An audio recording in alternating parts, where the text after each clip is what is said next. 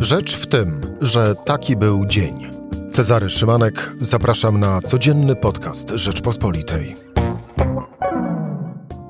Czwartek, 23 września. Nie wiadomo.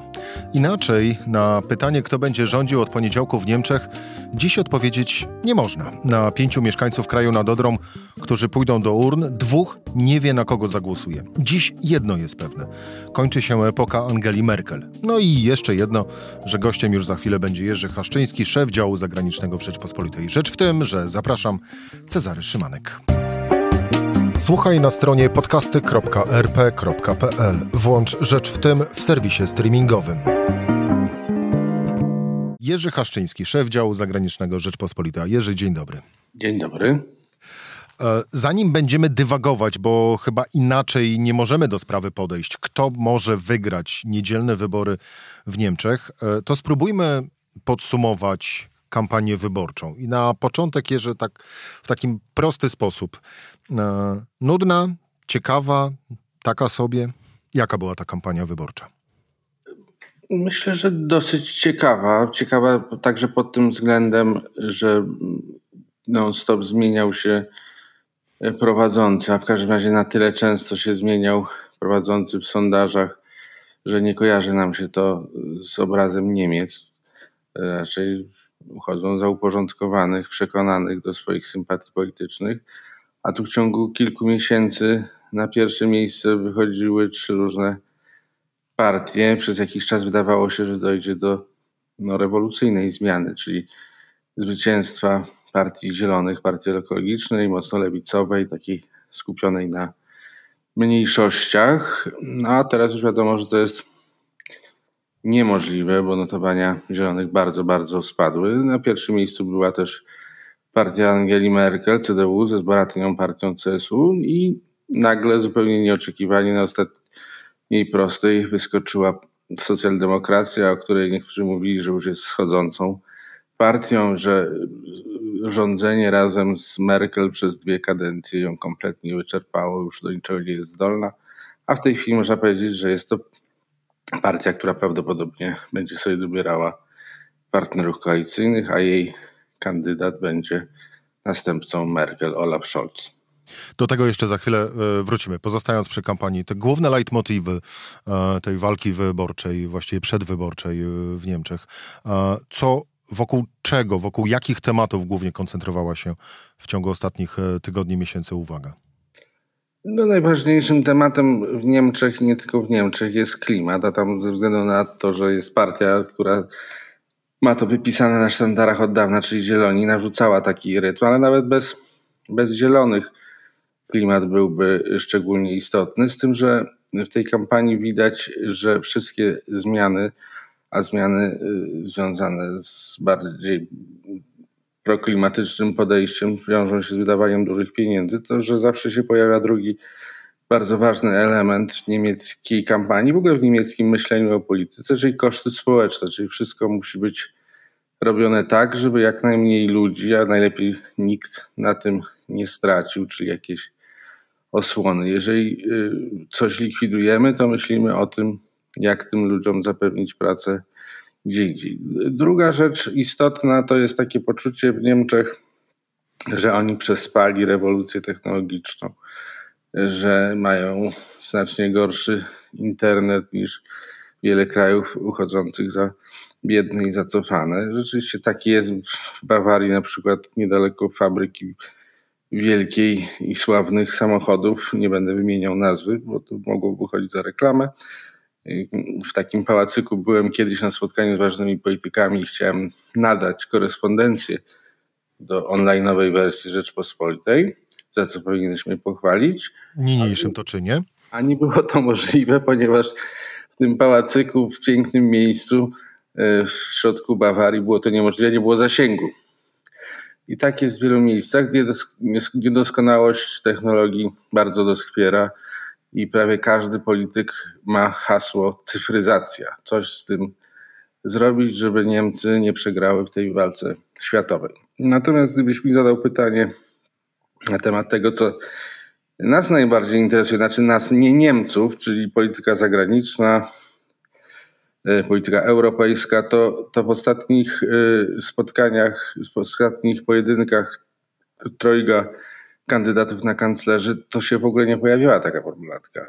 Po pierwsze, tak, takich pytań nie zadawali dziennikarze, co już też dużo mówi, a, a po drugie sami, sami kandydaci wtedy, kiedy mogli od siebie coś powiedzieć, też tego nie wspominali, co jest y, poważnym problemem, bo nie wiemy czego się, się spodziewać, czy, czy będą chcieli zwycięzcy y, więcej Unii w Unii, czy będą chcieli przyspieszać, co dla Polski będzie oznaczało dalszą marginalizację. Nie wiem, czy będą chcieli zmieniać jakieś zasady obowiązujące w Unii. Na przykład SPD wcześniej wspominała, że trzeba by zrezygnować, przynajmniej częściowo sprawa weta w kwestiach polityki zagranicznej polityki bezpieczeństwa, czyli kluczowej dla nas, nie tylko dla nas sprawy, ale to zniknęło gdzieś wszystko. Nie wiadomo, czy będą chcieli dawać więcej pieniędzy z niemieckiej kasy dla biedniejszych państw południa Europy.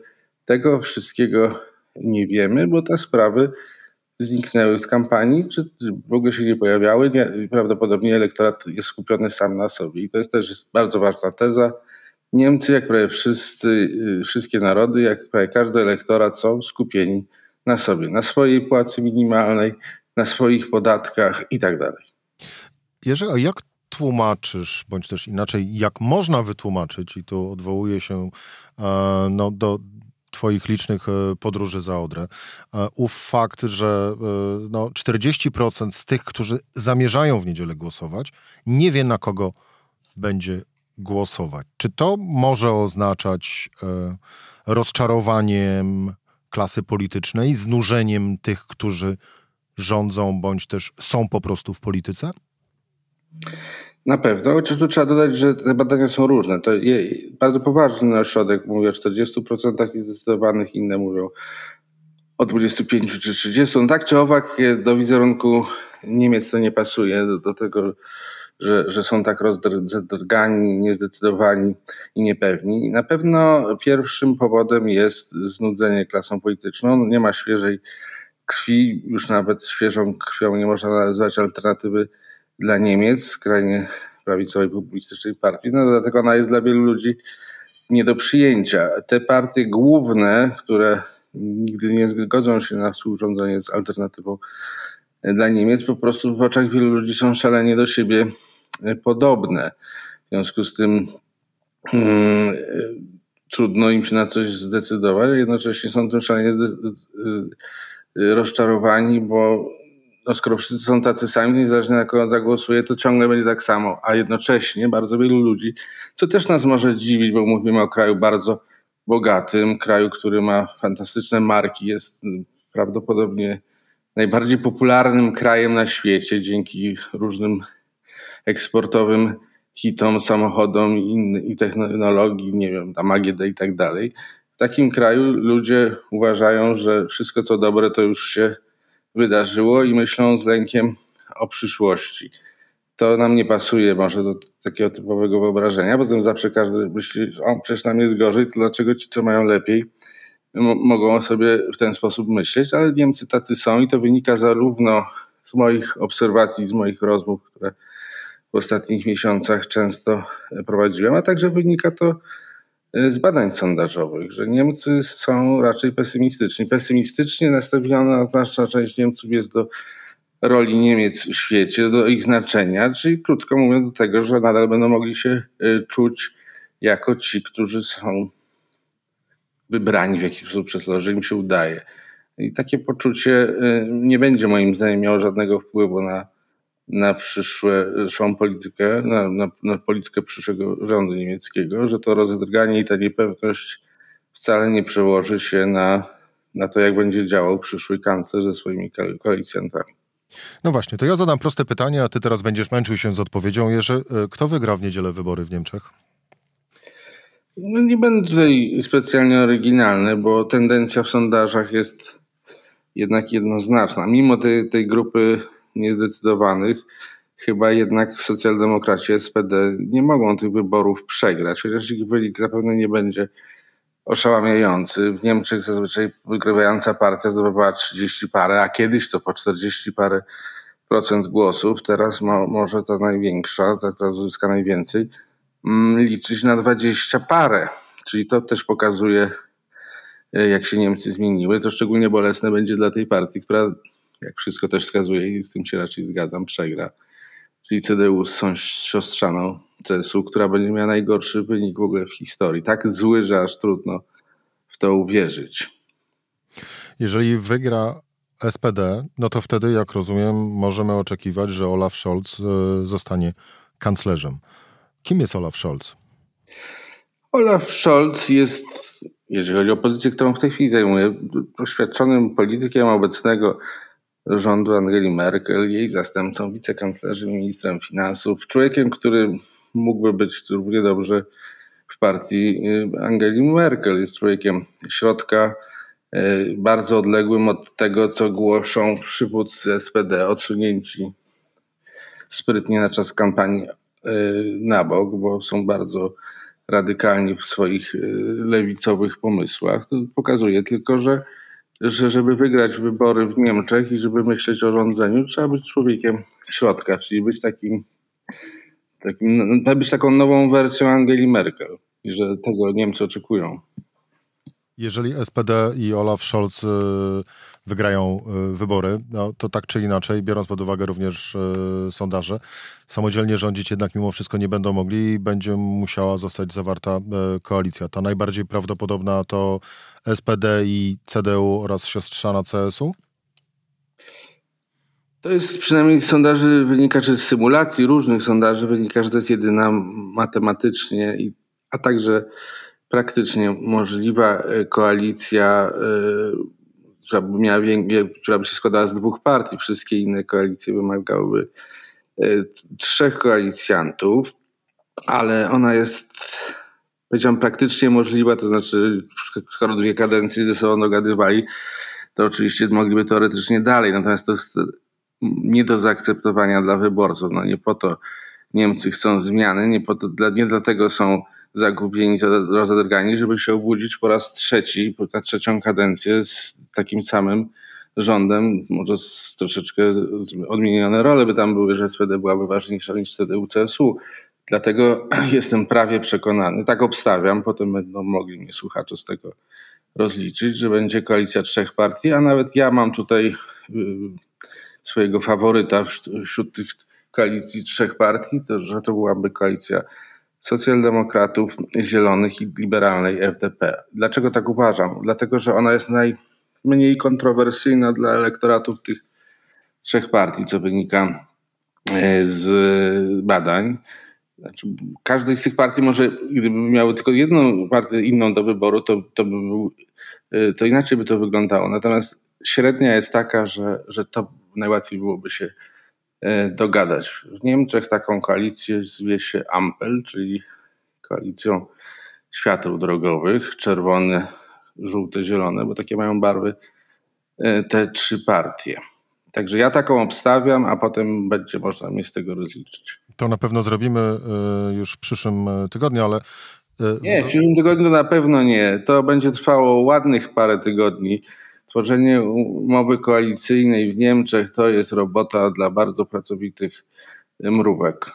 Pamiętamy to e, z przeszłości, czyli poprzednie negocjacje dotyczące umowy koalicyjnej. E, mój e, trend tak naprawdę był lekko prowokacyjny, a równocześnie anonsujący rozmowę z tobą już w, ponie, już w poniedziałek, czyli po, po wyborach. Ale wracając do dzisiaj jeszcze, Jerzy.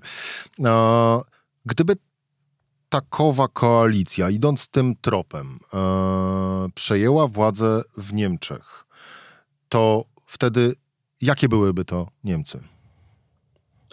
No bardzo podobne do tych dzisiejszych. Wszystkie partie e, wskazują na konieczność e, większego zainteresowania klimatem. To jest oczywiste, ale to niezależnie od tego, kto by to zrobił. To nawet gdyby Merkel dalej rządziła z SPD, to, to tak by to wyglądało. To jest, to jest po prostu kierunek, od którego nie ma odwrotu. Więc jeśli chodzi o ekologię, to na pewno będziemy oni ciągle słyszeli, będą większe na to nakłady, ale tak jak już powiedziałem, będzie to z uwzględnieniem kosztów społecznych i, i próbą tak, yy, doprowadzenia do tego, że prawie nikomu nic się z tego powodu nie stało, że trzeba inwestować w ekologię. Yy, par, będą te partie się w jakimś sensie blokowały, to oznacza, że skrajności zostaną wycięte i znajdziemy się znowu w środku. Partia FDP jest najbardziej liberalną ekonomicznie partią, będzie broniła e, interesów bogatych, a, a e, SPD będzie razem z lewicą mówiła wciąż, że trzeba podnosić pracę, płacę minimalną, trzeba myśleć o ludziach, którzy są w jakiś sposób e, wykluczeni czy pozbawieni szans rozwoju. No i wyjdziemy z grubsza na to, co jest w tej chwili z jakimiś e, niewielkimi zmianami. A jeżeli chodzi o e, relacje z Warszawą, wiem, że wspominałeś, że trudno jest tak naprawdę domyśleć się, co który z kandydatów, co która z partii myśli i uważa w kontekście polityki międzynarodowej, ale z punktu widzenia Warszawy, taka koalicja zmieniłaby obecny status quo, czy też, i tutaj stawiam trzy kropki.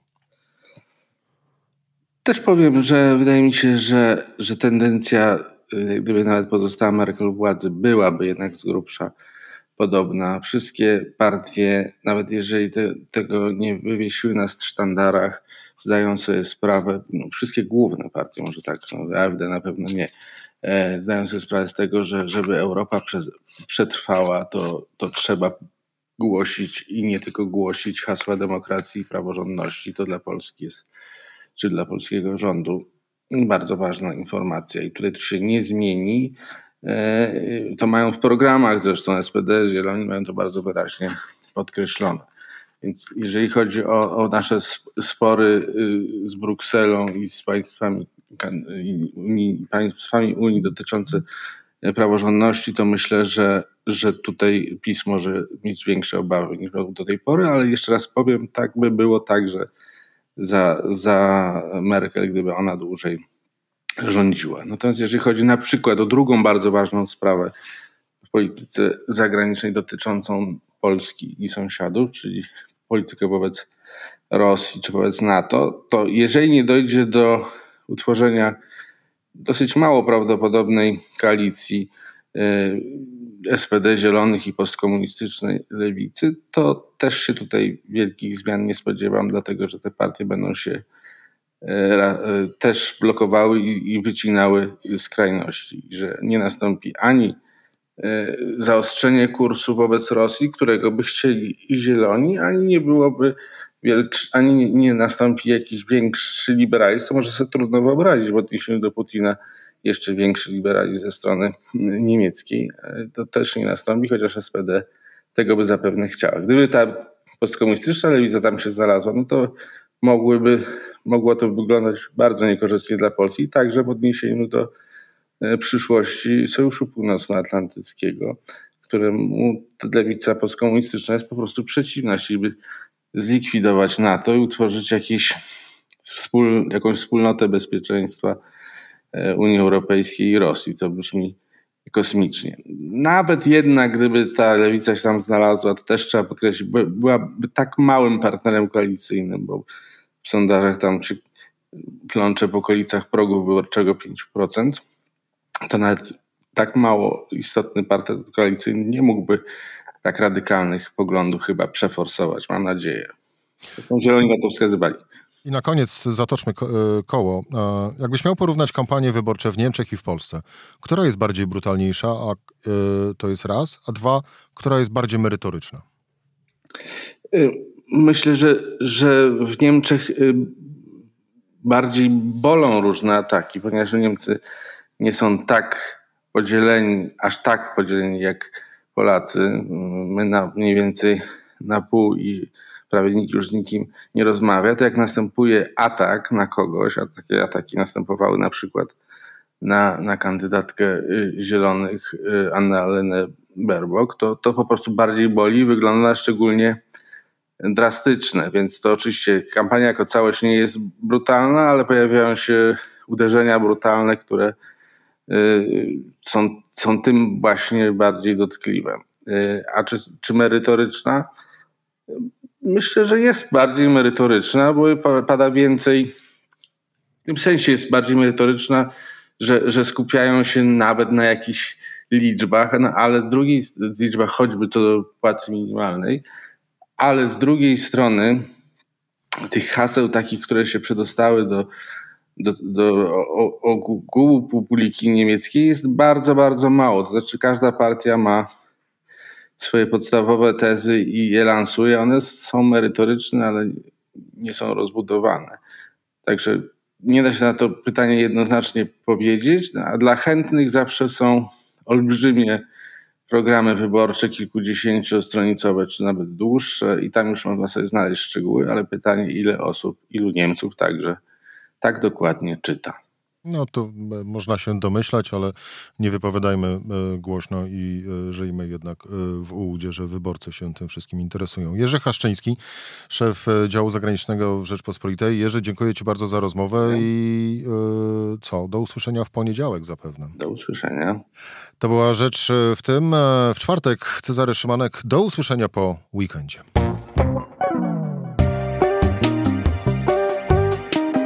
Rzecz w tym to codzienny program Rzeczpospolitej. Od poniedziałku do czwartku o godzinie 17. Słuchaj na stronie podcasty.rp.pl. Włącz Rzecz w tym w serwisie streamingowym.